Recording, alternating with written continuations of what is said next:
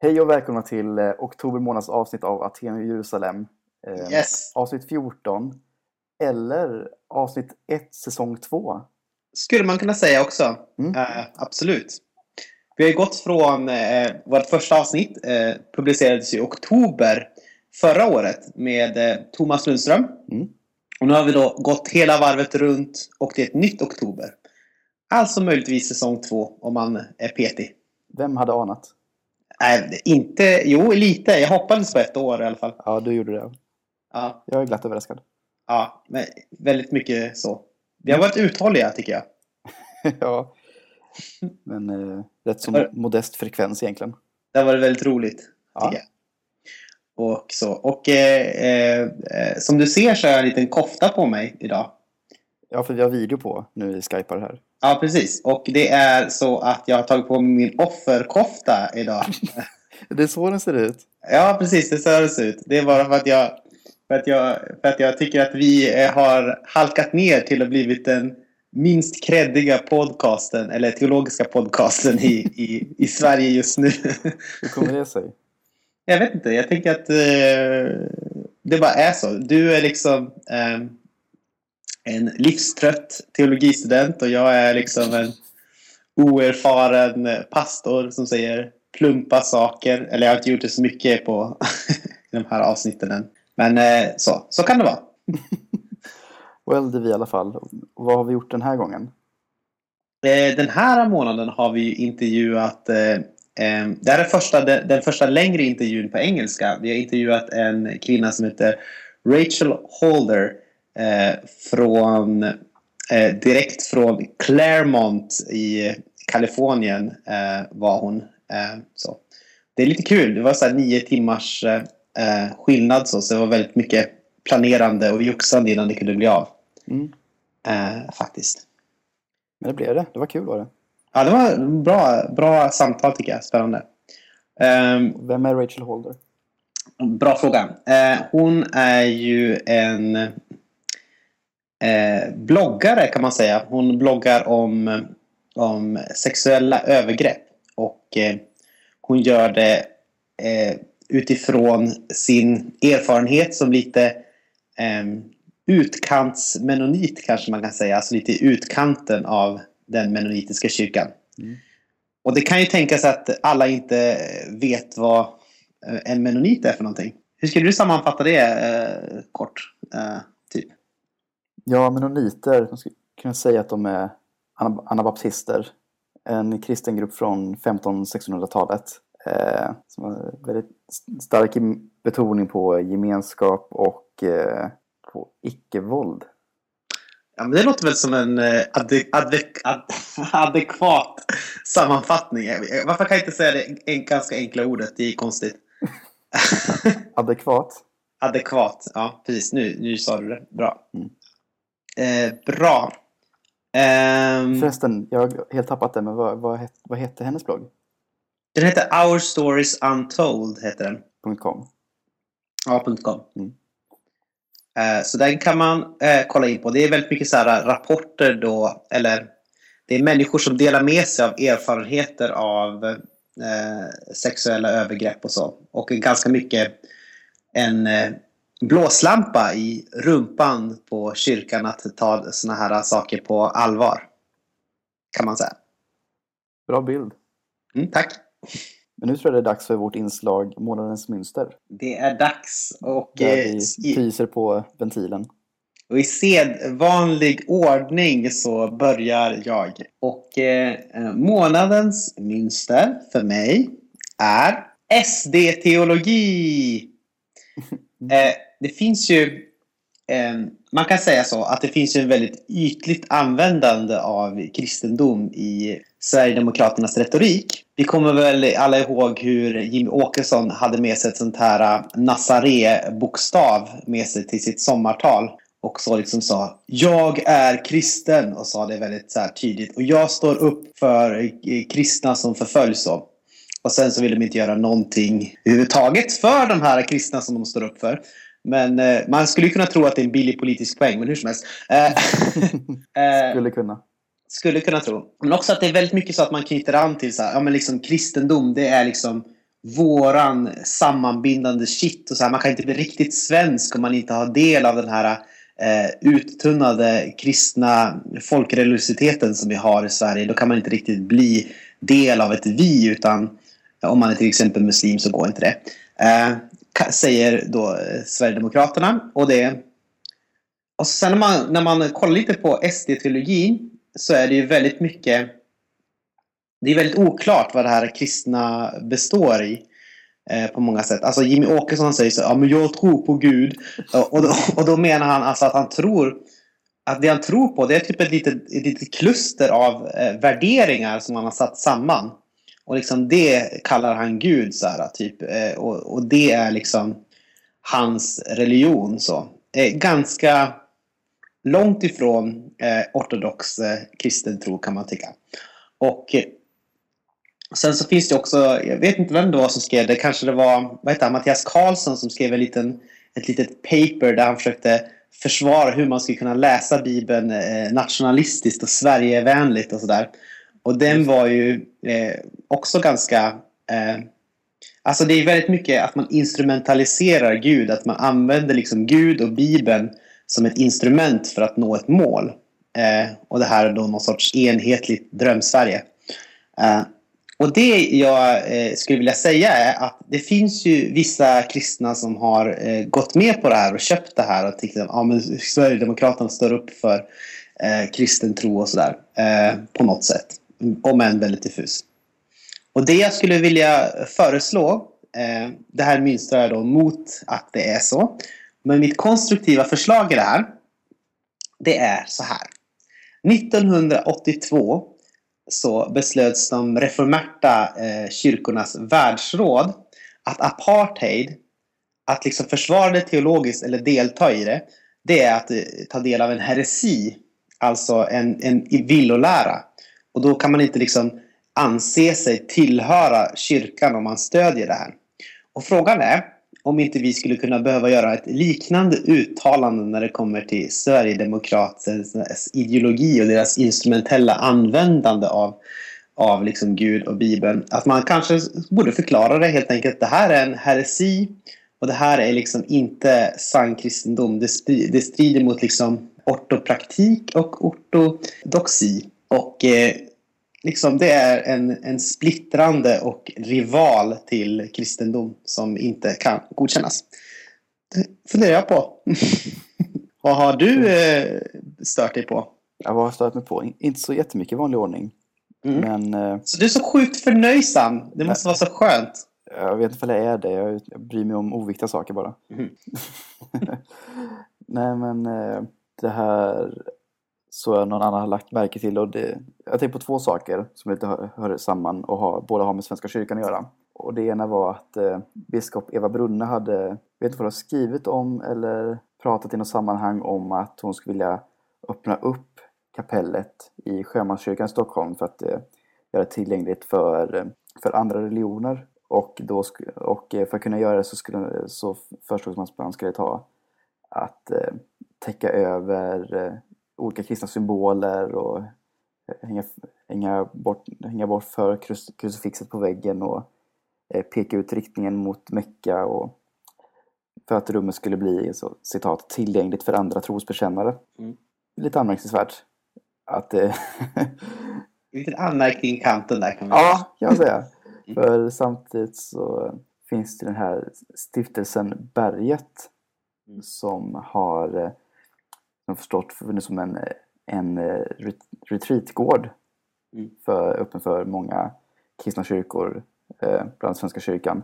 Men nu har gått ett slags steg mot att bli, eller nu tar jag steget för att stå under katolska kyrkan och då ska och då ska det komma ett, eh, sådana här reaktioner just från svensk kyrkligt håll då om att eh, man är eh, man känner man känner sorg och besvikelse och vrede över att de har konverterat till en annan kristen kyrka. Men, eh, men säger inte så mycket när en biskop pratar om att hänga över kristna symboler i sin eget kapell. Ja. Det, det är märkligt. Så det var skönt. En ny månad och ett, ett månadsmönster. Ja, du har lyckats ännu en gång. Bra jobbat. Tack. Men du, eh, jag tänkte på en sak Simon. Visst har vi haft några funderingar på att eh, vi kanske skulle vilja mm, expandera podcasten lite grann eller liksom utveckla den så att den blir bättre. Exakt, nu är vi ändå inne på som sagt vår andra säsong. Ja, Och eh, då, vågar, då börjar man ju drömma om lite saker. Som till exempel att eh, äga och ha koll på sin, e- på sin egna inspelningsutrustning. ja verkligen. Vi har ju då lånat Talstigskyrkans och en kompis eh, liksom, Ja, Mattias, Mattias Danielsson. ja, diktafoner. Eh, och så det har ju varit... Det är ju lite osäkert på ett sätt. Ja, så då börjar man ju drömma om hur det skulle kunna vara att ha en egen mikrofon. Mm. Och på så vis kanske kunna bli bättre på att säkra ljudkvaliteten från avsnitt till avsnitt. Precis. Och en annan sak som jag funderar på är om man skulle kanske kunna få lite fler avsnitt eh, vissa månader. Mm. Nu är det ju så att vi släpper ju i en ganska stadig takt av en gång i månaden. Och vi tänker nog att det ska vara liksom eh, grund eh, utgivningstakten.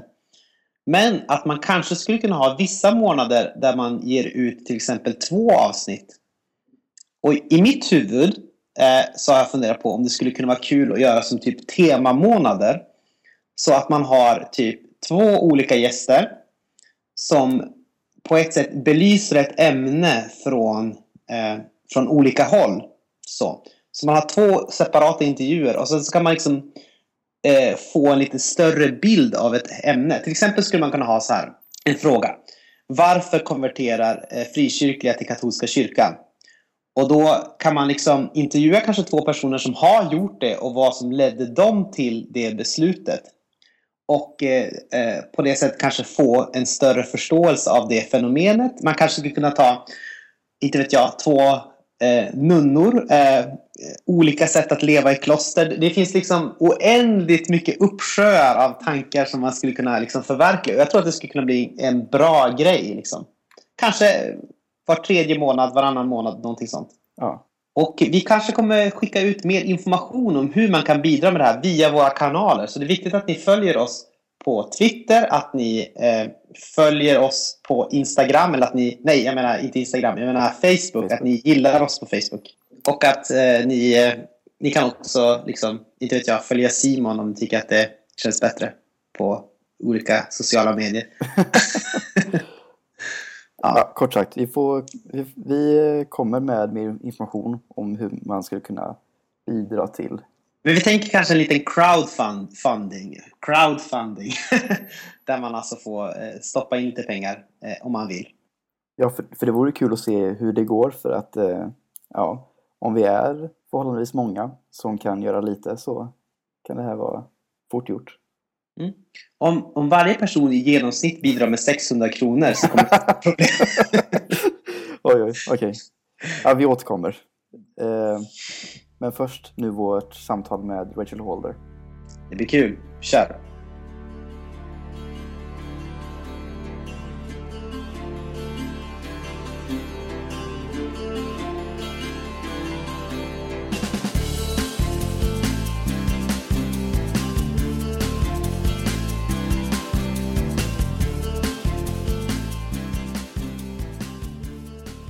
So, Rachel Halder, welcome to Aten or Jerusalem. We're thrilled Thank to you. have you here. Thank you. I'm thrilled to be here. Yeah, good. so, who are you, Rachel? Oh, wow. Well, that's a complex question. I guess it is. um, well, my name is Rachel Halder, and I uh, was born in Iowa in the United States um, to a British father and a Mennonite mother. She grew up in Iowa as well. Mhm. Um, and I've moved around a lot. I've done a lot of different things, um, but I I did grow up in the Mennonite church, Mm. which I think is important for the purpose of this podcast. And I went to a Mennonite college um, for undergraduate. It was in Indiana. Um, and I've been abroad. I lived in Indonesia through a Mennonite organization. Um, so I've definitely been immersed in the Mennonite world, though I also kind of consider myself a fringe Mennonite. Um, I I'm not I'm not um, perhaps what Mennonites would consider to be a Mennonite. So there's Okay. that component as well. but yeah, but very Mennonite nonetheless. Uh, Yeah. Yes, very It's- ethnically Mennonite. yeah. Och What do you say? What's your French French Mennonite? I'm sorry? What did you say? French Mennonite. No, I said very ethnically Mennonite. Mennonite. Okay, sorry. That's kind of a term used within Mennonite circles. 'Cause- Okay, I see. Being Mennonite is um, very cultural. Mhm. And so there's kind of what they call like cradle Mennonites, like those who are born into the Mennonite church. And then there's those who adapt or adopt the Mennonite church as their church later on in life, which are considered different than like ethnic Mennonites. It's all a whole big thing. Oh, I see. Yeah. What's your superhero alias? oh, I put that on my website. It's Super Raymundo. okay. Well, um, what? Who is that? who is that? Um, well, it's kind of like the badass version of me. Not that I'm not a badass. I think I'm a badass, but it's it's it's this all-encompassing being. It's kind of uh, I envision it as a goddess, a Mhm. goddess being who um who has this like magical ability to allow all persons just to feel totally okay in whoever they are and okay with all those parts of themselves that they resent. So then actual authentic conversation can happen because i believe that as long as we are despising all these pieces of ourselves we're going to keep despising others and not being willing to like listen to other people's experiences. And so i mean really it would be this power to be able to just alleviate all that self-hatred in hopes that we can alleviate the hatred that is just spewed all over this world really. Uh, so you're a cradle Mennonite, uh, um, uh, this uh, superhero um, kind of being, and also YouTube told me uh, you're an accomplished actor, aren't you? oh my goodness that is humiliating. I can't believe you found that well, I did. congratulations yeah.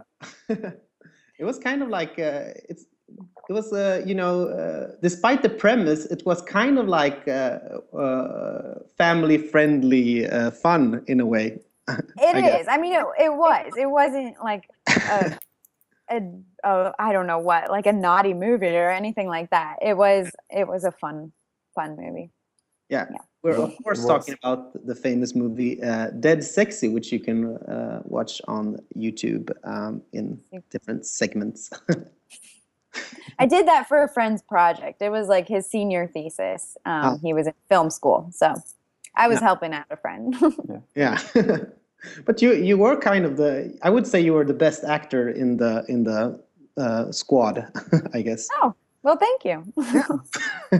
so um, so we uh, also uh, disturbed you in the middle of a move to a new state um, uh, what are you leaving and where are you going or where are you now uh, Yeah.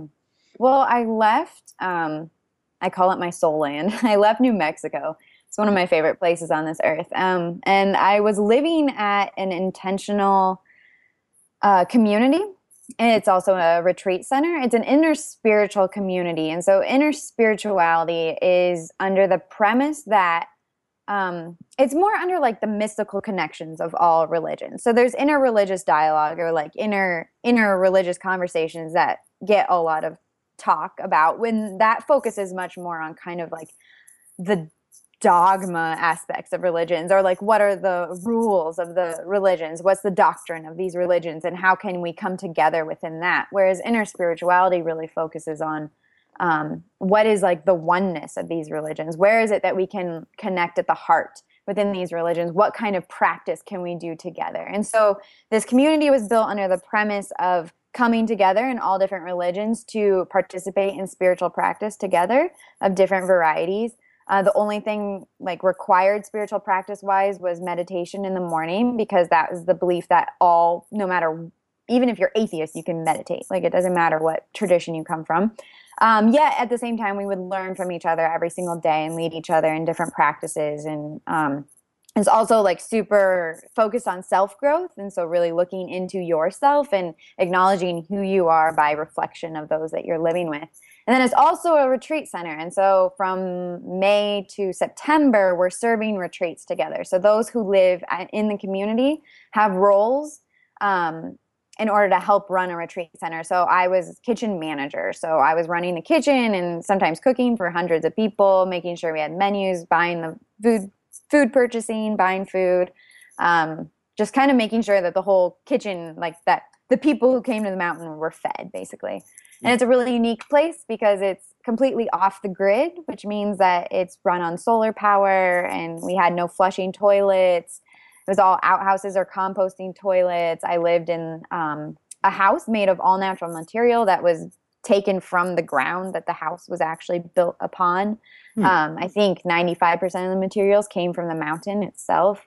Um, so it's a place really focused on sustainability and permaculture, um, how to be responsible in our lives like living out on the on the land and so i went from that kind of environment to where i am currently which is in southern california which mm-hmm. is um, total opposite of that kind of environment i'm in the la area and i'm going to theology school i'm going to claremont school of theology um, which is a really amazing school. It's um, within the Methodist tradition, but it's very ecumenical and very interfaith focused. And so many of my classmates aren't necessarily Christian identified. There's an Islamic school that is also connected. It's called the Bayan Institute, and it's um, so there's lots of Muslim students on campus, and it's a really it's a really beautiful place, and it's it's also really highly known for its um, for its education like it, it's high what is that? High regard for the education and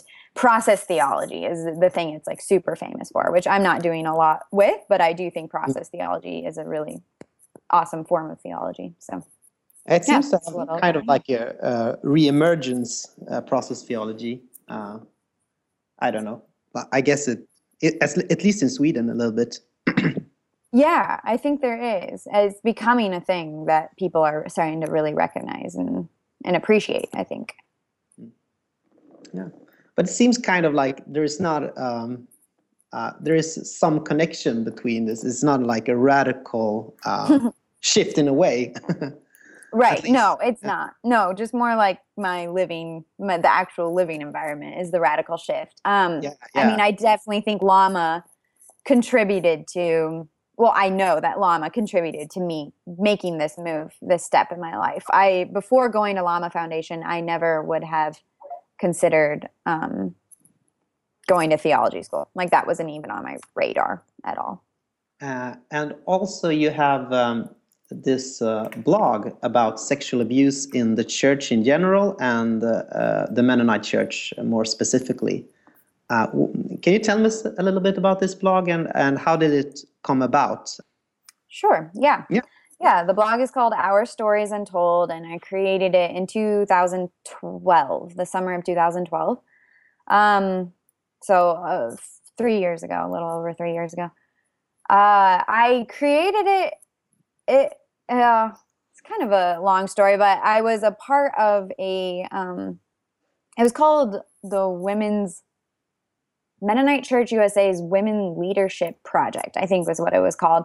And I was a part of a group of women who were trying to um, focus on women's leadership within the church. And I was on a, a group called the Mennonite Monologues, which was taking the concept of vagina monologues and recording stories of Mennonite women in the church who were in leadership roles. And when we were kind of brainstorming about this, I brought up the idea of collecting stories of sexual violence within the church because that I myself was abused as a child and I didn't I didn't recognize that until I lived in Indonesia after undergraduate studies. So I was in therapy during this time and I was like starting to actually like come out with my story and starting to get comfortable talking about it. And so that's why i brought it to the like brought it up to this group. And it kind of got turned down. It was like well yeah that's important but that's not what we're focusing on. We're focusing on women's leadership not stories of sexual violence. And so of course it's like triggered me. I didn't i mean it was fine that they said that because it was the truth. But like my passion and dream was to like gather these stories. And so i actually had a literal dream when I was flying to San Francisco, I like fell asleep on the plane. And you know how planes are kind of, it's not really real sleep. At least for me, it's never real sleep. I'm, I'm kind of there and kind of elsewhere. But in this dream, I heard a voice that said, You aren't the only one. Um, like there's many who have experienced sexual violence. And if you want people to talk about it, you have to create the space. Um, and so I woke up from the dream and it was very, very powerful. I mean, it was like a very like a feeling of conviction sort of. And so. I was like, wow, I'm going to create a, st- a, a, website. I'm going to collect stories of sexual violence. And I got off the plane and told my friends this, and they were kind of like, you're crazy. Like, are you sure you really want to do that? Like, that's that's a really insane idea and i was like no i have to do it like i just have to and so I, a month later i created the blog and and got it out there and i was really shocked by the response i mean i assumed that you know some people would notice or whatever but i i like didn't even comprehend at all the impact that it would have and i didn't i don't think i quite even understood the level like the pervasiveness of it and how it just had not been spoken about at all like how people just did, weren't ever allowed space to speak about it. So yeah that's kind of the story of how it all began.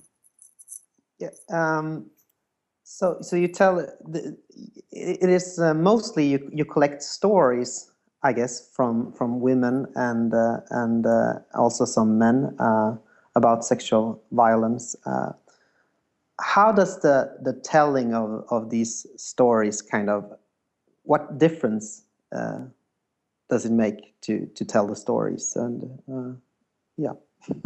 Yeah.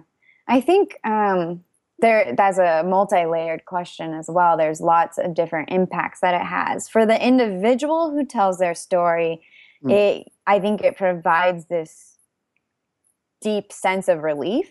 Um, it might be the first time they're ever telling their story and to actually be received um, and believed and like to have their story trusted enough to be like put out into like a publication form um, i think does a lot of healing wonders for like the human psyche uh, i know for many people who have contributed after they contribute even if they're contributing anon- anonymously which a lot of people are um, they just speak of like this really deep sense of relief and just and how um, good it feels to know that people are reading their story or somehow being influenced by the story.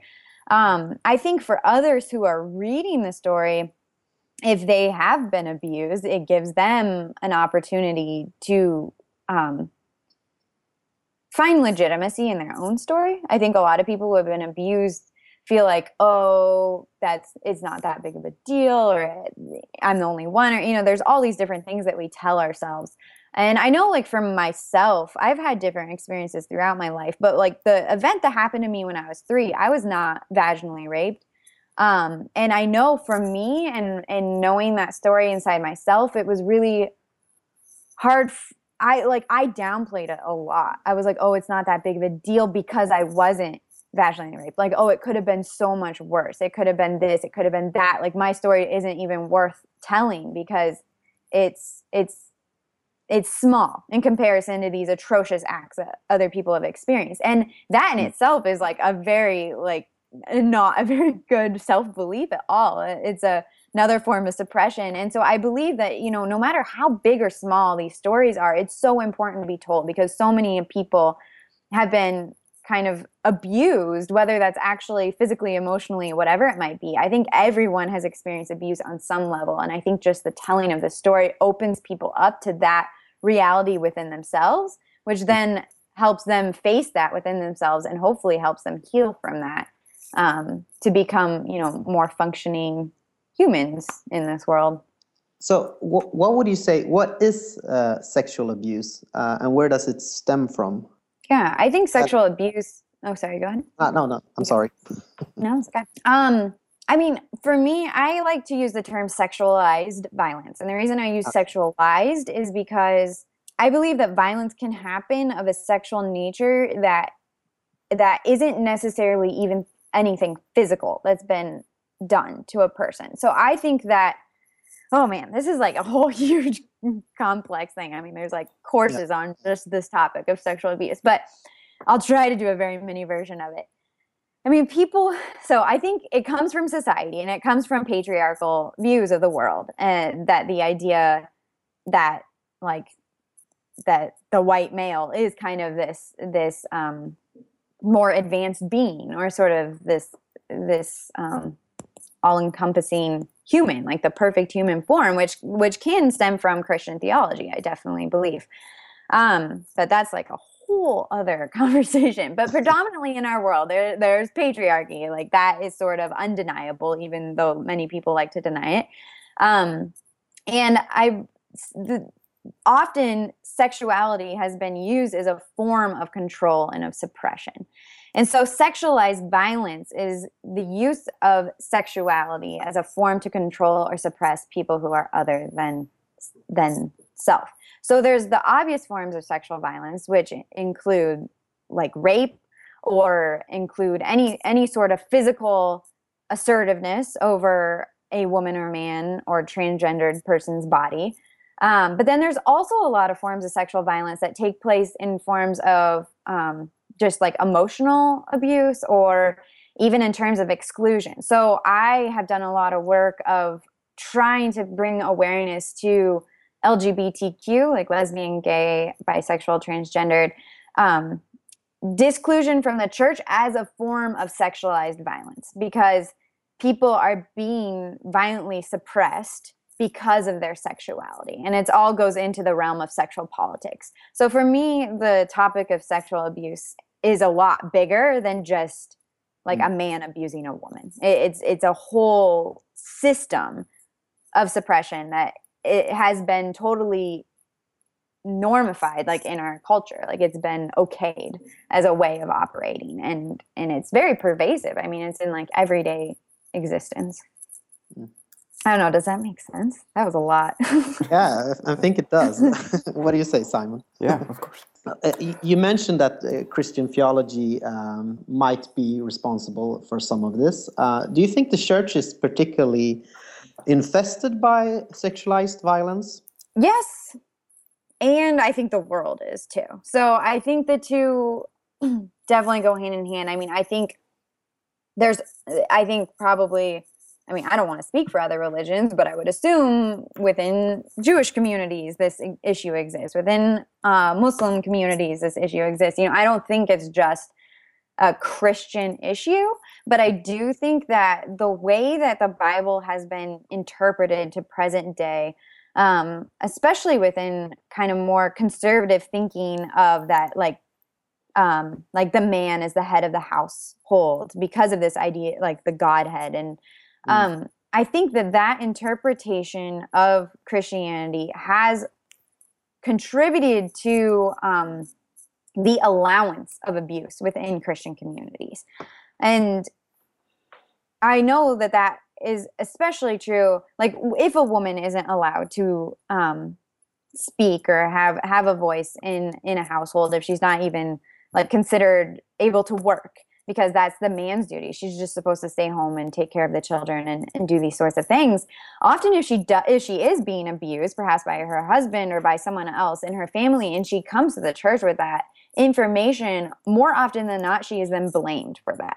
That she somehow did something to cause that that to happen to her. And I believe that's deeply rooted in the way that theology, that the Christian Bible is being interpreted today. I don't necessarily think it's because of what the Christian Bible actually says, but I do believe it's because of the way that we've interpreted it. And I mean, I think that starts with, you know, back with like Augustine who who decided that that women were lesser creatures than men. You know, it, it goes back very far and in kind of over a over a lot of long time is gotten to this place. Well, um, yeah, Augustine seemed to have some sexual issues. Uh, or... He did seem to have some sexual issues. I would agree with that one. yeah. so, um, what is your story? You you hinted to it a little bit, and and how does this? How do you think this connects to to what you told about um, Christian theology and and the culture in and in general? Yeah. Well, my story. I mean, I actually grew up like growing up Mennonite. Um, I'd say it's a less conservative um, form of Christianity. Like it's, it's, different from like an evangelical outlook of the world, for example. Um, but Mennonites are because of their peace theology. What I've seen is that they are more passive, um, which I don't think peace theology equals passi- passivity.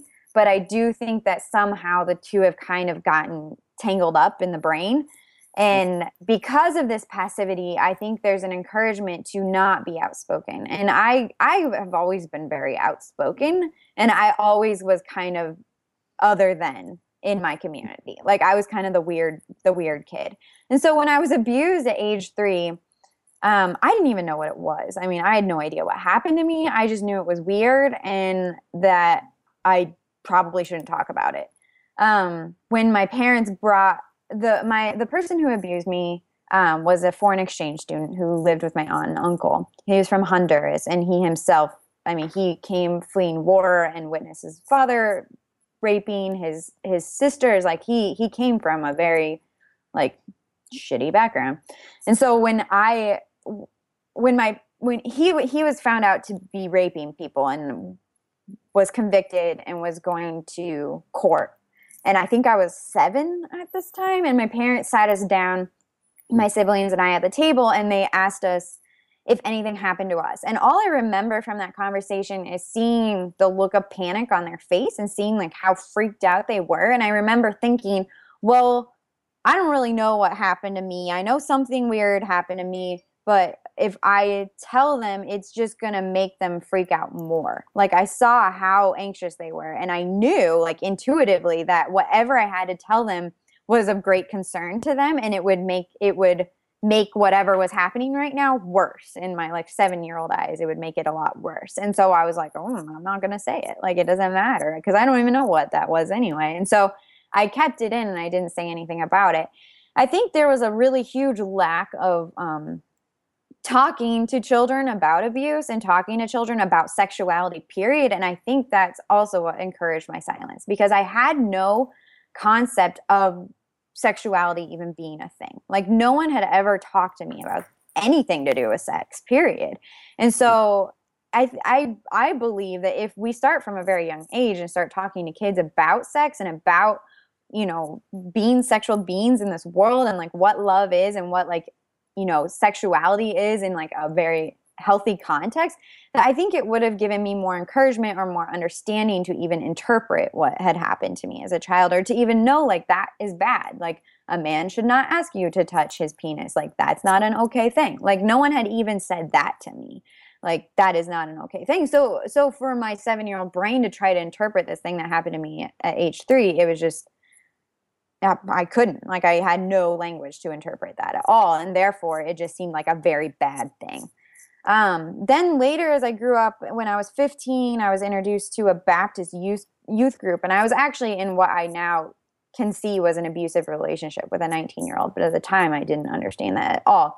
And this Baptist youth group, it was the first time I ever heard the language of like being saved. It was ever the the first time I ever heard a language like confession and and mm. needing to be saved from your sins and um, and because of this sexual relationship that I was having with this 19 year old, I call it, I was, I'd say I was brainwashed. I don't know if I was totally brainwashed, but I definitely, mm. I mean, immediately they took it upon themselves to explain to me that I was going to hell because of this experience because of what this relationship that I was engaging in.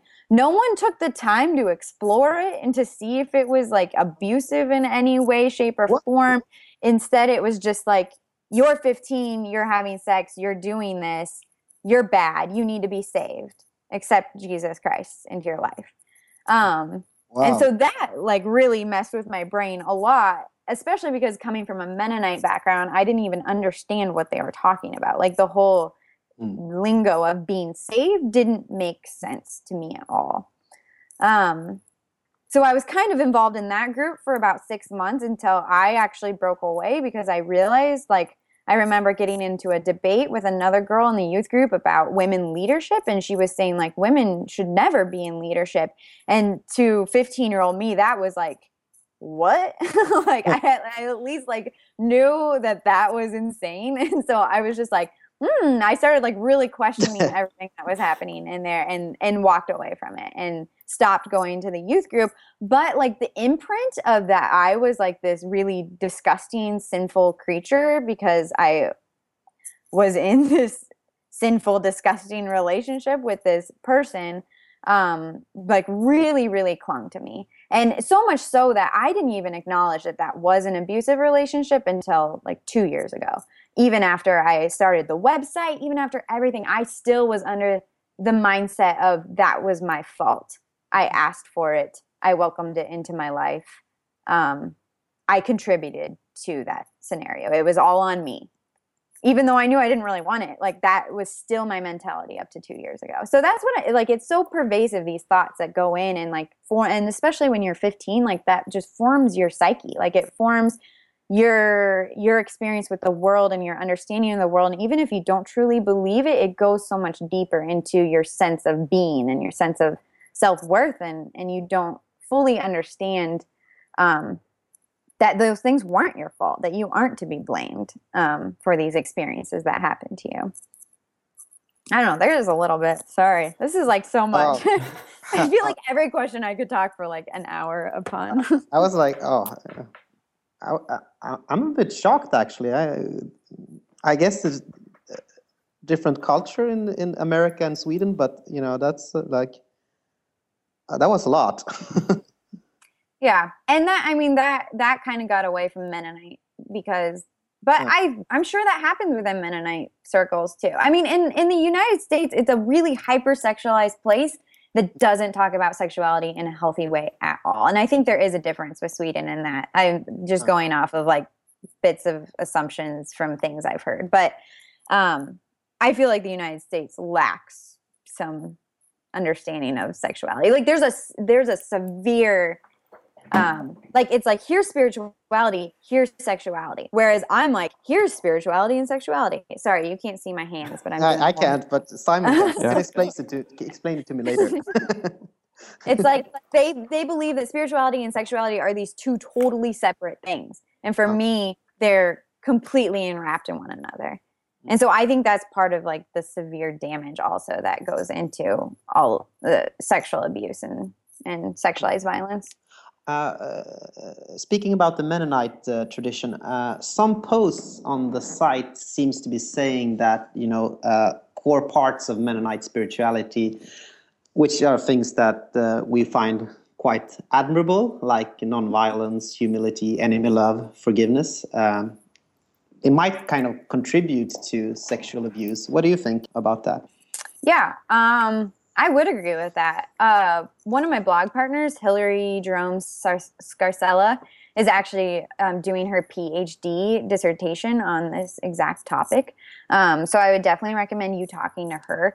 But it, I, I do agree with that. There is um, this cultural like I think that being like I have a lot of Mennonite pride. I'm really grateful I grew up Mennonite. It's a really fascinating um, denomination, and there's a lot of really beautiful pieces of it. The way that we value community, the way that we value one another, the way that we value peace, um, and peace theology as a whole is, is a really beautiful thing. Now that goes into John Howard Yoder also being the most famous peace theologian, who was also, you know, abused over 100, 100 women. Um, so that also has a whole other thing. But I do think that peace theology has somehow been turned into, like I said earlier, this willingness to be passive or this willingness to to just accept what is there's kind of this oh we need to be peaceful like we we conflict is bad there's this idea mm-hmm. that conflict is bad and therefore if someone is coming forth with something that is going to cause conflict it's kind of like suppression. Like people don't want it to be there because it's going to cause conflict. And rather than seeing conflict as something that can strengthen a community and something that can strengthen individuals and can and can really um, provide deeper understanding of love and compassion, it's seen as like bad. Like we don't want it. Like we're supposed to be peaceful beings. We're supposed to get along. Um, I mean, this is kind of a simplistic way of speaking it, but I really do feel like this is kind of the mindset. And I saw that a lot at um, the Mennonite college I went to. Students, I had some close friends who weren't Mennonite, who didn't grow up Mennonite, and they were like so annoyed with our inability to really like take on conflict. Like they're like, you're all so passive aggressive. It's ridiculous. like, like just speak what's on your mind. And like I said, I've always been someone who can speak what's on my mind. And I was always ridiculed for that. Like I was definitely considered kind of this loudmouth mm. woman. And like when I when I transferred to the Mennonite high school that I went to, there were really beautiful things in transferring there. Part of it was because of that abusive relationship I was in, but um, I I was definitely labeled as kind of like a bad girl because I was outspoken and I was willing to, you know, say that's not right. Um, and I so I was removing myself from like the cultural norm mm. of passivity and acceptance. Oh, it's interesting. We don't have uh, Mennonites here, a lot of them at least. right. Uh, um, but we don't have a lot of them here either. it's a ah. really small denomination. Mm. It's like nine hundred thousand, I think. It's really oh. small. Yeah, it's you know it's big in Swedish um, uh, terms, I guess. But um, right. yeah, um, uh, these uh, virtues that we talked about uh, a little bit that I mentioned, um, like you know non-violence and and uh, such do you think they also can can play like a part in stopping sexual abuse? Or um, do they have to be like uh, making you passive? No i absolutely think they they can play in stopping sexual abuse. I mean i feel like that's what a lot of mennonite feminist theologians are doing like hilary. That's what she's doing with her work. I feel like there's lots of women within the mennonite church who are who are taking the Mennonite peace theology and um, using it as a source of like redemption, like calling out where where it's been misused, essentially, mm. um, and and speaking out of how it could be used, like the potential that it has to be used.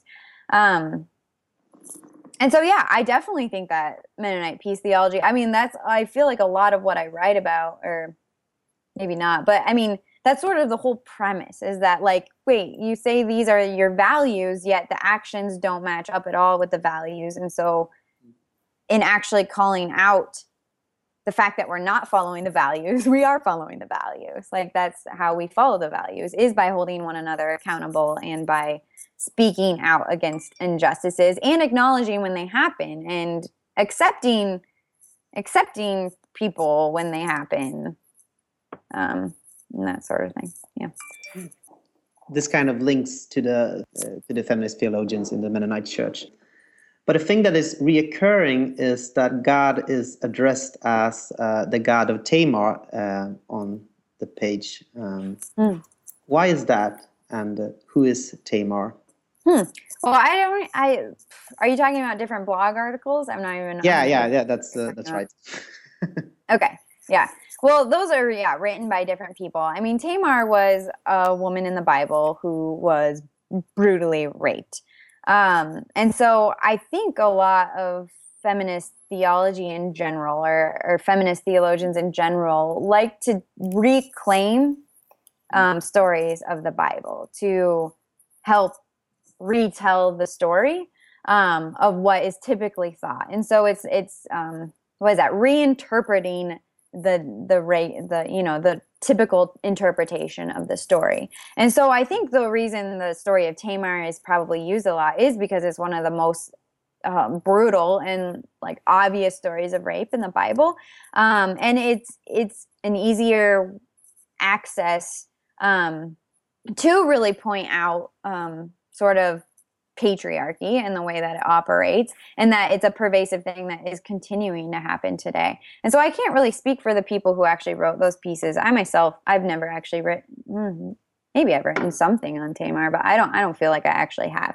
Um, but i think that uh, yeah i think the reason people use those stories is is because it connects with a christian community. So in this case it connects with mennonites and it because it's a biblical story and people often need to hear things from whatever perspective they're coming from and it allows a reimagination of the theology to support the claims that abuse is a pervasive thing that needs to end that needs to stop yeah. um, that'd be my and assumption anyway. yeah that story is kind of like also sometimes when, when violence is portrayed in the bible it's kind of like anonymous but this is really you really get the sense of, of who she is, uh, Tamar. Uh, I guess that's kind of also why it's a powerful story. Uh, right. Yeah. She's like an actual person. Well, she's actually named, which is pretty yeah. huge. There aren't many women in the Bible who are actually, you know, given a name in the Bible. That's right.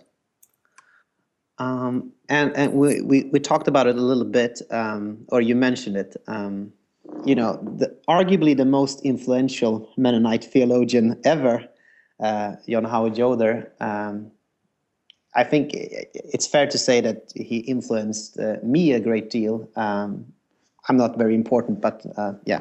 Anyway, uh, but he was a a, a rampant uh, sexual abuser. Um, mm-hmm. You know, what did he do? Yeah. Um, well, he. I mean, in my perspective, he used his his power position, his position within the church, to be able to, um, hey, to control women. And he, I don't, I don't fully know everything. I mean, I I haven't done extensive studies on Yoder. There's plenty of people who have, like Rachel Waltner Goossen did this entire like hundred plus page document on it that was just released, I don't know, like six months ago or something. Um, but I mean, my perspective, he, apparently he had some kind of theology that he was working on with sexuality and spirituality. And basically, he would take advantage of women in vulnerable positions. Typically, he actually would like women scholars, um, usually young in their 20s, um, but not all. Some, you know, some were older. Some were people that he was staying with. So he'd be like staying with a husband and a wife or something, and the husband would be out at work or whatever. And he would take advantage of this situation. And I don't know the full extent. I mean, there's recorded stories of different women's experiences. I don't want to speak for any women in their experiences. Um, but I know that it would be it would be forceful sexual activity. So he would do things like lay on top of them on a couch and like wouldn't move. Um, I know that he would, and then he would justify it through using theology. So he would say, you know, we're brothers and sisters in Christ, and and I I don't know all all of the words that he would use, but he somehow was using his theology or his new like trying to figure out this sexuality connection with theology um, to justify the behavior that he was doing. And then because he is this like super huge like superhero in the Mennonite church, and so many people know him and so many people respected him it was extremely difficult for the women to speak out against him. And when finally eight women discovered each other and discovered that they had the same stories and they came forward to tell those stories, it still wasn't handled in a very appropriate way. And John Howard Yoder actually never was held fully accountable for what he did, and he never apologized for what he did. Like, he never saw it, from my understanding, he never saw it as a bad thing to the day that he died. Like he always justified why he did it. Um, and the church severely lacked in disciplining him and also severely lacked in um, informing other people. Like there was really no kind of preventative measures taken to stop it happening. It was mm. kind of more just like a slap on the wrist type of thing. Oh, like yeah. it wasn't publicly acknowledged at all. Yeah. So, uh, could you, do you, could you tell us a little bit more how the church responded or failed to respond to uh, the sexual sexualized violence of Yoder?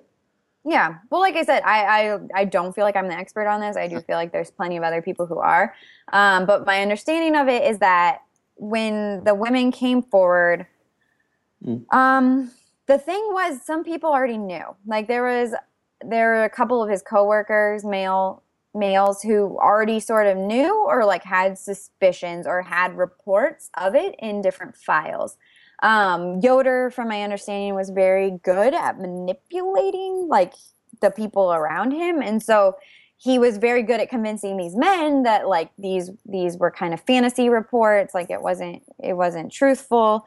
Um, I think it was AMBS the a Mennonite um, seminary in Elkhart, Indiana, who then actually did um, let him go. They disciplined him and said, "Okay, you can't teach here anymore." After they received these reports of the eight women, but that was as far as they went. And John Howard Yoder continued to teach at Notre Dame in their religion department, um, which there's been a ton of reports from Notre Dame, from women at Notre Dame also who experienced abuse. So that's what I mean by like the church did absolutely nothing to protect more people, and they didn't publicize it to the wider church at all. Um, you know, here and there, people would hear rumblings of it, rumors, because it's like a pretty big deal. But overall, there was no kind of public acknowledgement that this had happened. There was no kind of public apology that this had happened. There really was nothing um, spoken to. Like none of the women received apologies. They didn't receive really anything at all, um, other than a lot of skepticism. I mean, really, a lot. There was a lot of anger towards these women because they were outing this, you know, really famed theologian in the church who was really highly respected. Um, so yeah, Yeah. I would really recommend checking in with Rachel uh, Waltner Goossen though, if you're interested, because she, I mean, she's this is her research. This is all she does is like research this exact topic. So, so what do you think, um, or what should the church do in repentance, uh, in your Hmm. opinion? Well, they they did form a task force to talk about this issue after on our blog we brought it back up. This was like two summers ago that we kind of brought attention to it because um, someone wrote a book review on John Howard Yoder in the Mennonite, which is one of the biggest Mennonite publications, and there was absolutely no mention of the fact that he had abused many women, and this was a triggering fact for so many people for so many years that the that Mennonite church would never acknowledge that he ever did any of these things. And so Barbara Graber, who then became my blog partner, um, wrote a piece called What's to Be Done about John Howard Yoder. And she basically called out the church and called out this review that was posted on the Mennonite of this book written about John Howard Yoder, how the failure to mention that he had abused so many women is like a huge failure on the church's part. Um, in in many ways. That it was really complex and that they they couldn't continue doing that that it was extremely inappropriate. And i mean you could find the piece on on the blog site. But basically she drew like super super super huge attention to this topic. And the church finally for the first time actually paid attention to it. I believe they were forced to pay attention to it. Like it, it drew so much attention and so much criticism and so many critiques and so many more stories that it was like absolutely impossible at that time for Mennonite Church USA to just finally, you know, just turn around and say, oh no, we're not dealing with this anymore. So they formed a task force to kind of go into this topic, and they they did take some actions at AMBS, the seminary in Elkhart. They had a service for the victims of John Howard Yoder, and I think they even like paid for transportation to get them there and that sort of thing. And it was a service of repentance, I believe. I don't know if that word was actually used. Um, I I didn't attend that service, but my blog partner Barbara did attend that service, and I think Hilary also attended that service. I hear from the people who went it was really beautiful and that it, it was a healing experience. Um, but I'm I'm I'm not sure, and especially because I didn't go, I I'm not. I feel like I can't speak much at all on that at all. Yeah, I just don't have the information. Um, then at Mennonite Church USA convention this past summer, they planned a service of lament. I think it was like called of hope and lament. Service of lament and hope. I don't I forget what it was called. Lament and healing, maybe. I don't know. But um I went to that service. there I mean, depending on who you talk to, you'll get a different impression of that service. Overall, the goal of that service was to acknowledge that sexual abuse is a pervasive experience within the church and that there's plenty of people who have experienced it and that the church has done very little to acknowledge it or to um, to assist in these in these situations. Like it's been the the purpose of the service was to acknowledge that the church has severely lacked in acknowledging this problem. And so it was kind of like a service to acknowledge the problem. Um, the reason so it I, I don't know. I think some people probably had an okay time at it or that it was an okay thing. Um, for me, it was the most triggering thing I've ever been to. Um, I I was raging for like weeks afterwards, which I've never actually even experienced that kind of emotion. So it was it was sort of healthy in a way because I got in touch with parts of me I didn't even realize were severely suppressed. But my anger with it was that they were unwilling to name the ways in which they still currently are being like that they are currently perpetuating sexualized violence and that's especially within the stories of lgbtq persons um, and i took issue with so much of the language that was being used because it just lacked severe acknowledgement that that this is continuing and that the church structures themselves are contributing to sexualized violence um, yeah so I thought it was kind of a pile of bullshit. But I'm sure if you talk to someone else, they would have a different opinion on that one. and the church already knows I think it's a pile of bullshit. I mean, I, I made that very clear too. That's good. Um, the theology of John Howard Yoder, um, do you think it can be used or would that be an offense to uh, his victims? Mm-hmm. It really depends who you're talking to. I don't know. That's like an issue of ethics, and I don't. I don't, I don't know. I feel like that's a whole complex issue. I personally am not for using not for using it. Like if I were to ever write like something on Mennonite peace theology, which I never plan to do, but if if I were wanting to do that, I would intentionally not use any of John Howard Yoder's writings, um, mm. unless I was explaining how peace theology can contribute to abuse. Then perhaps I would use his writings to say, okay, here, here, here, here, here, this and this and this, but I would never use them as a way to um, explain that it's a, like, I would never use his specific theology in a positive light. Mm. I think it's really, I feel like the victim should be the persons who get to say if those words are used or not. Um, I'm not a victim of Yoder, and I I don't feel like I even have the right to fully say what can or can't happen. But I, I just know for myself, I would never use use it. And I think if other people would come to me asking me that same question, I would encourage them not to. I actually the ethics professor here at Claremont wanted to have a conversation with me about that. We haven't had it yet, but she when I first came, she she figured out who I was and she was like, "Oh, I really want to talk to you about John Howard Yoder." Because at first I was like under the idea that I would continue using his work in class, but the more I'm thinking about it and the more I'm reading about it, the more uncomfortable I'm getting using it. And so that's coming from like an ethics professor and who who has been using Yoder's work in her classes for 20 plus years.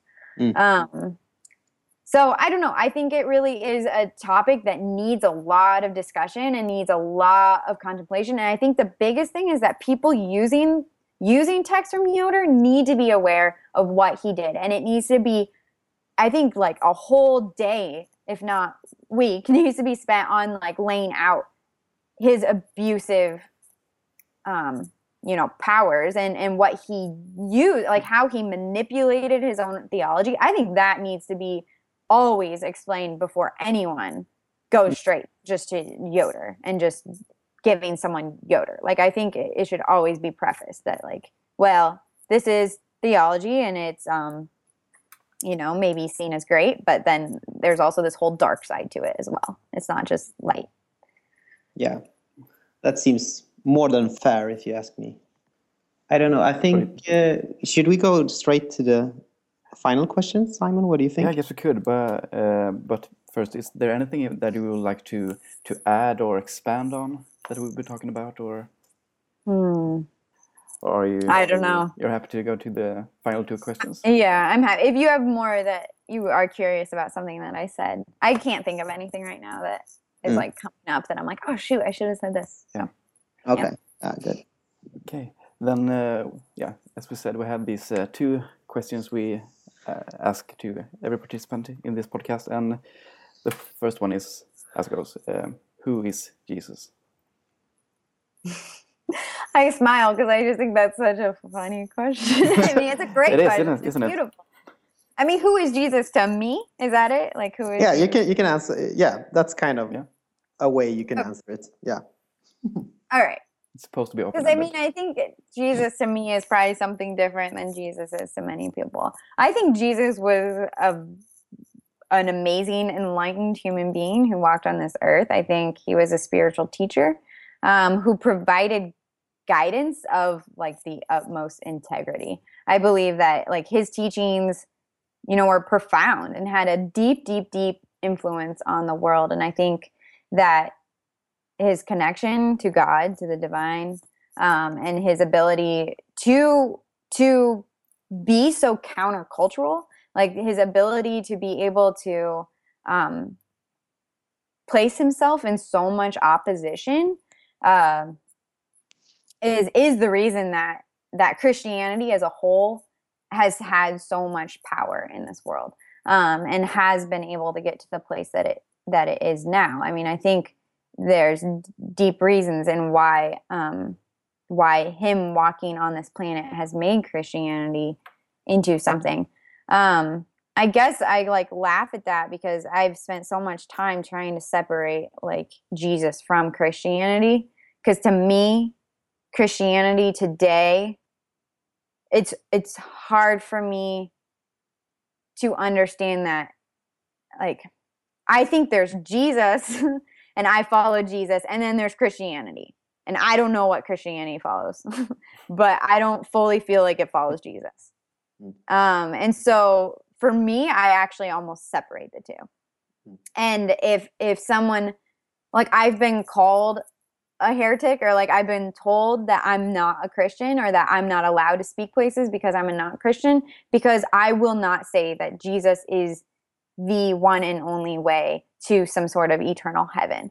Like because I don't believe that. I totally follow Jesus. Like I am a Jesus follower all the way. I think Jesus's power is so profound and the impact that he has had on my life and like my relationship with him is is very profound and it influences the way I am in the world just as me studying many other spiritual teachers does the same. Mary Magdalene actually is like one of my absolute favorites and I almost like her more than Jesus. Did I just say that? But so so for me I don't know. It's like it's really hard for me to talk about the two mm. because Jesus to me is set, like Jesus wasn't a Christian, he was a Jew. Like Jesus is different than Christianity. And so, I don't know. That's who Jesus is for me. Kind of a complex question again. Yeah. kind of hard to answer. Yeah, you answered it well, I think. Yeah. So, yeah. uh, and the final question: Could you rec- recommend someone who we could talk to? Yeah, well, I mentioned a couple names, mm-hmm. um, like Rachel Waltner Goossen her she's i think that's her name she's written stuff or we've posted stuff of hers on the blog mm. Um, i would also recommend my blog partners. It depends on what kind of direction you want to go. Um, like i said hilary scarsella is a phd um, candidate at vanderbilt university.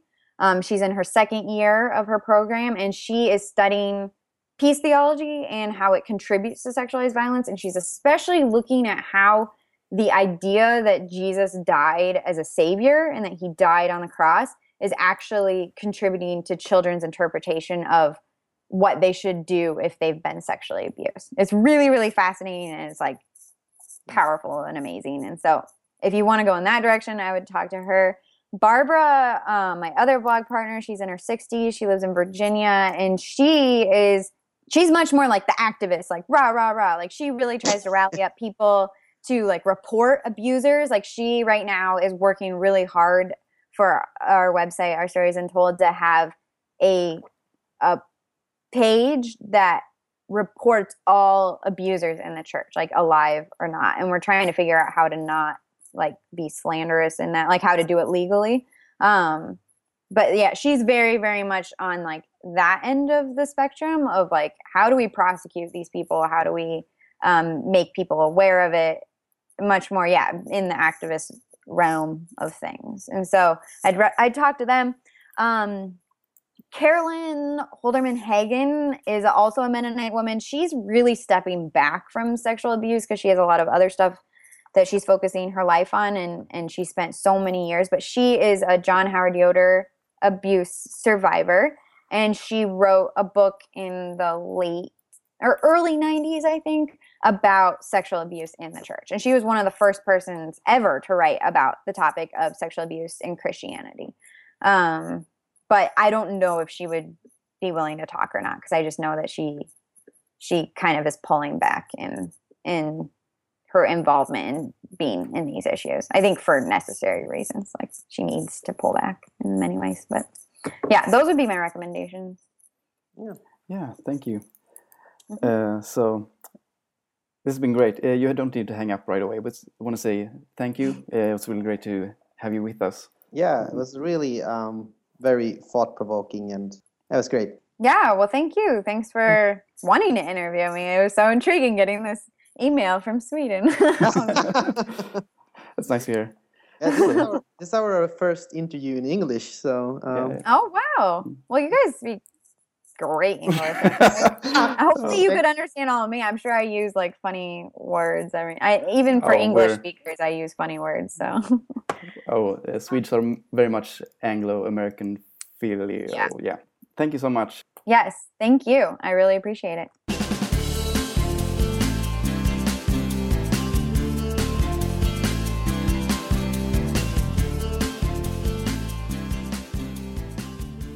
Hej och eh, välkomna till vårt eftersnack. Vad kul att ni har hängt med ända hit. Ehm, Simon, hur tycker du att det här samtalet har varit? Det har varit väldigt mycket. Det har varit kul, intressant, på många sätt omvälvande. Eh, Ja, eller hur? Ganska omvälvande. Ja, men om man ska ta någonting så här på studs som eh, ja, bara noterar att när vi pratar om olika, vad, ska, vad kan man kalla det för, dygder eller något som är eh, Mm. karaktäristiska för Mennonitkyrkan eller mennonitisk spiritualitet. När det kommer till så här saker som icke-våld, fiendekärlek, förlåtelse, församlingstukt. Att eh, det har haft så stor betoning på det här med pacifism.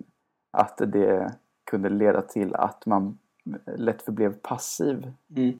Paradoxalt nog. När det till exempel kom till att konfrontera Yoder Mm. om hans handlande. Och att, att man var så eh, man var så pass marinerad i, det här, i, i de här dygderna att, man, att eh, det blev problem när någon liksom kommer och rock the boat om man säger. Och att, eh, att man hade svårt så, att hantera när det väl blev skakigt.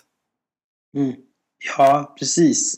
Och där tänker man ju att på ett sätt så borde det ju finnas resurser egentligen Mm. eh, i den här formen av andlighet att ta tag i konflikter. Just genom då Matteus 18 som är väldigt tydlig med att man ska liksom konfrontera den som har gjort det, det som är ont. Eller det som har liksom förbrytit sig mot någon i gemenskapen. Men samtidigt så är det väl kanske lätt så att man, alltså om man hela tiden uppfostrad i att man ska vara förlåtande så kanske man eh, på något sätt går, kan gå dit lite för fort till att liksom vilja släta över och inte liksom ta tag i liksom grundorsaken till problemen. Ja, Kan det bli, tyvärr. paradoxalt nog får man säga kanske. Ja, men jag tänkte också på det. Jag- Jag tror ändå att det här eh, initiativet med att liksom eh, berätta sina historier om övergrepp och, och liksom exkludering skulle kunna vara någonting eh, också för kanske kyrkan i, i Sverige att, eh, att det borde kanske finnas något sånt här form av forum också här. För jag kan tror ju inte att vi är o, eh, obefläckade av, av sådana här problem eh, heller. Utan det tenderar ju att sippra in lite överallt. Ja, tyvärr är det där mönster som går igenom alla grupper överallt. Mm. Ja, verkligen. Och eh, det finns ju den, det problemet kanske också i... Ibland så kan man ju använda liksom förlåtelse som ett vapen mot folk. Så att liksom man försöker tvinga den som har blivit förgripen på sig att du ska liksom eh, bortse från det som har hänt för att inte liksom skaka om och sådär. Eh, för att så, för kristna förlåter så. Men då är det inte så här verklig förlåtelse eller verklig försoning utan eh, mer som en sorts Alltså som ett sorts, att man använder förlåtelse som ett sorts eh, vapen eller våld. Ja. Så, så, kanske. Och då är det inte ens nära på. Nej, nej, precis. Det blir inte liksom äkta på något sätt.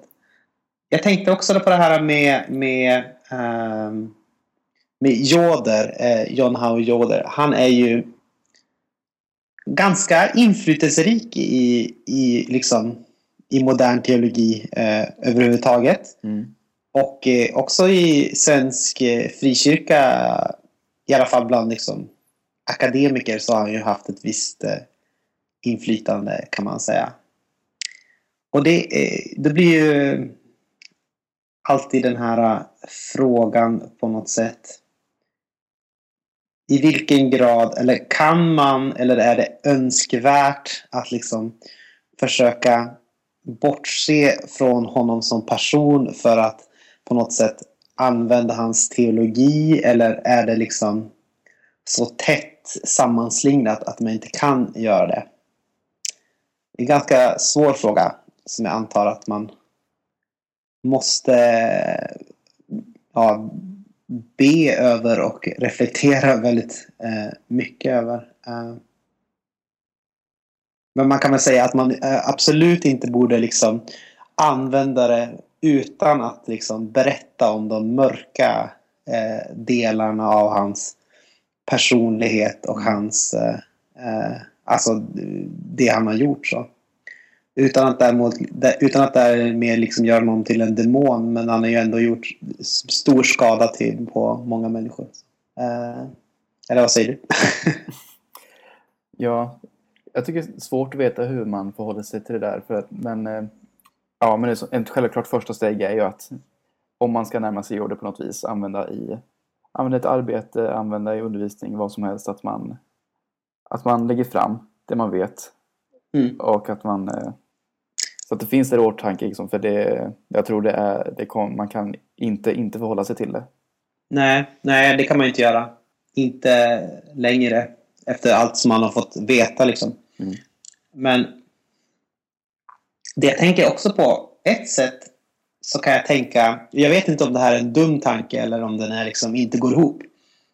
Men alltså, alltså på ett sätt att liksom, att liksom bortse helt och hållet från joder är ju dels väldigt svårt för att han har påverkat liksom väldigt mycket eh, tänkande, liksom nästan all fredsteologi liksom på senare delen av 1900-talet är mer eller mindre influerat av Joder. Så det skulle vara liksom på ett sätt oärligt att bortse från honom. Och dels så tänker jag att det kanske på ett sätt är att osynliggöra um, hans offer också kan jag tänka. Eh, och jag vet inte om det går ihop som sagt. Alltså jag tänker så här.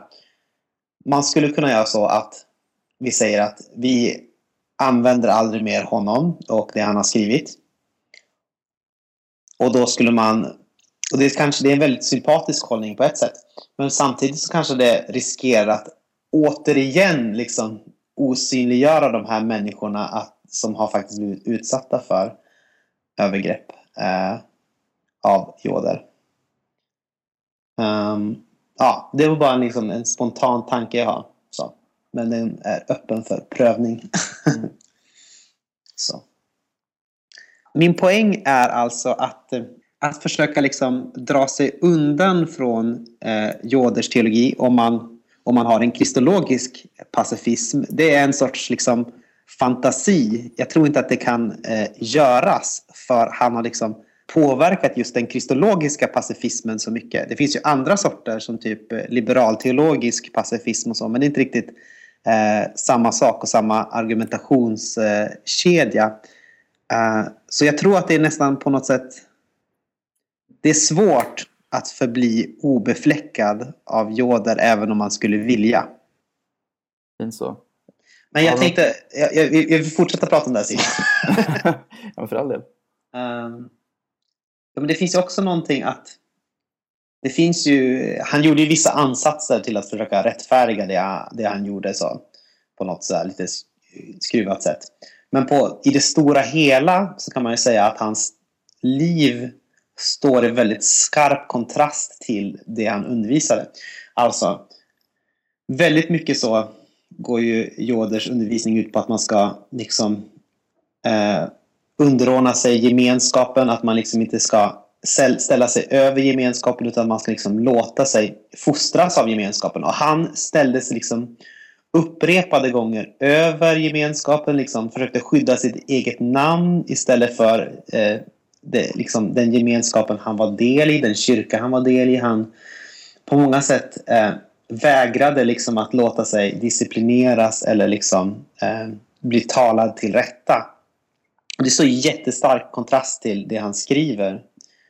Och också det uppenbara är ju att han skrev ju om våld och hade en ganska, ganska bred definition av vad som är liksom våld och samtidigt ägnade sig åt eh, ja, men sexuellt våld. Så. Mm.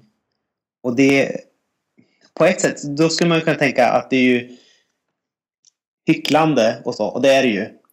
Men samtidigt så kanske det är så att på ett sätt så är teologin så bortkopplad från det livet han lever att det faktiskt går att, äh, går att använda på ett sätt för um, om man då liksom anmärker att den som har skrivit det här själv absolut inte levde upp till det han, han undervisade om. Jag vet inte, det är och kanske också en sån här eh, logisk kullerbytta. Jag vet inte om jag ägnar mig åt det mycket här men det är en fundering som jag hade också. Ja, verkligen. Det är ju ja, intressant, intressant att fundera på kopplingen liksom mellan person och idé här. Mm. Om det är möjligt att göra så som du föreslår här. Mm. Och då menar ja precis. Man måste i alla fall ganska, fotnota ganska häftigt. eller ganska intensivt kan jag tänka mig. Mm. Aldrig liksom okritiskt och aldrig liksom läsa det okritiskt heller för antagligen så är det här någonting som färgar av sig på, allt, på, på det han skriver också. Mm. Eh, så. Men men, vi får se. Jag är felbar. Ett, ett, ett brustet kärl. Kan jag säga. Ja. kan man säga. Mm. Um, det jag tänker här är... Uh, det, det jag menar är alltså att Joders teologi till stor del dömer honom. Alltså om man läser hans teologi så är det ibland som att den nästan är skriven direkt mot honom själv. Ehm, det finns nästan formuleringar som, är, som handlar just om att kränka liksom, kvinnors, eh, eh, kvinnors värdighet. Som är nästan som att de skulle kunna vara liksom, skrivna om honom som han har skrivit. Så på något sätt så är det som att eh, teologin eh, lever sitt eget liv och dömer eh, Joder. Och att det därför kanske inte är liksom en helt förlorad. Eh, allting är inte förlorat i dem på ett sätt. Även om man, man måste eh, handskas med dem med urskiljning och inte liksom eh, okritiskt acceptera. Och det här är inte bara jag som säger utan det finns också artiklar som till exempel eh, Scandalizing John Howard Yoder som är just in, inne på det här och som är väldigt kritiska såklart och väldigt eh, fördömande mot det han har gjort. Just det, Ja, också, kanske vi kan säga någonting om, om Jesus också, Simon. Vi gillar ju Jesus. ja. Ja. Stort fan. Stort fan. Har, har läst allting han har sagt. Mm. Eh, som jag av de officiella biograferna, biografierna. Eh, I alla fall. Eh, nej men det jag tänkte på det är ju att det är lite intressant kan jag tycka. Att ofta när vi eh, om vi får reaktioner på avsnitt då är det ganska sällan eh, på vad människor säger om Jesus att man tycker att det inte stämmer. Eller att det inte liksom håller för kristen tro. Men det kan vara andra saker som är, man reagerar mot. Som till exempel hur man uttrycker sig om, om sex och sådär. Och det får mig att fundera på ibland om i Sverige är det viktigare med, eh, med rätt eh, sexologi snarare än rätt eh, kristologi. Om så är fallet, vad säger det liksom om vårt eh, samtalsklimat i, i, i liksom frikyrkliga intresserade av teologikretsar? eh, kanske. Var det där en sån där öppen fråga eller ska jag reda ut det här för dig nu? Ja, du kan reda ut det för mig. Ja, du, nej, jag klurar på den. Ja. Men om vi ska prova på det här med att vara lite rättvisa kanske. Att vi kanske ska poängtera att, eh, att eh, vi har ju bytt in och pratat med Rachel idag. På, eh, inte främst på grund av, av henne i egenskap av teolog utan eh, just för hennes arbete kring sexuella övergrepp i, Men- i Mennonitkyrkan. Mm, precis. Ja, det har du ju en, en poäng i såklart. Eh, men eh, Men det jag tänker att det är också att hon ger en ganska, eh, ganska intressant utmaning i slutet av, av det här med frågan på vem är Jesus? Och det är ju på ett sätt kan jag tänka mig att förut Mhm. om man skulle bevisa vem Jesus var då kunde man eh, liksom peka på en bibeltext och sådär och säga att eh, här kan vi bevisa logiskt att eh, Jesus är eh, Gud, sann Gud, sann människa eller något sånt där. Mm. Eh, men nu kanske inte det riktigt eh, flyger så mycket utan det måste finnas en sorts Eh, handlingens kristologi. Alltså att eh, det måste synas i de liven vi lever tillsammans att Jesus verkligen är sann Gud och sann människa. Alltså det måste synas i att vi tar det livet han levde på allvar, att det är någonting sant mänskligt som går att följa. Och det måste också synas på något sätt i våran tillbedjan att han är sant mänsklig. Och då kanske det också syns för världen att eh, vem vi tror att Kristus eh, är. Alltså då blir det inte längre så här, ja, jag vet inte vil, vem kyrkan följer. Utan det blir så, okej okay, jag kan se vilken de, vem de följer. De följer Jesus Kristus, sann Gud, sann människa. En sorts handlingens kristologi helt enkelt. Jag tror att det finns en viktig utmaning i det hon sa. Om en sån. Kanske. Och med de orden så avslutar vi detta avsnitt av Aten Jerusalem. Ja. Om det inte var någonting mer du hade på hjärtat. Nej, inget. Vad fint. Eh, tack så jättemycket för att ni har varit med oss än en gång. Eh, som sagt, håll gärna koll på oss på våra olika ställen på internet. Gilla oss på Facebook, följ oss på Twitter. Och så hörs vi igen nästa månad. Så, tack så mycket.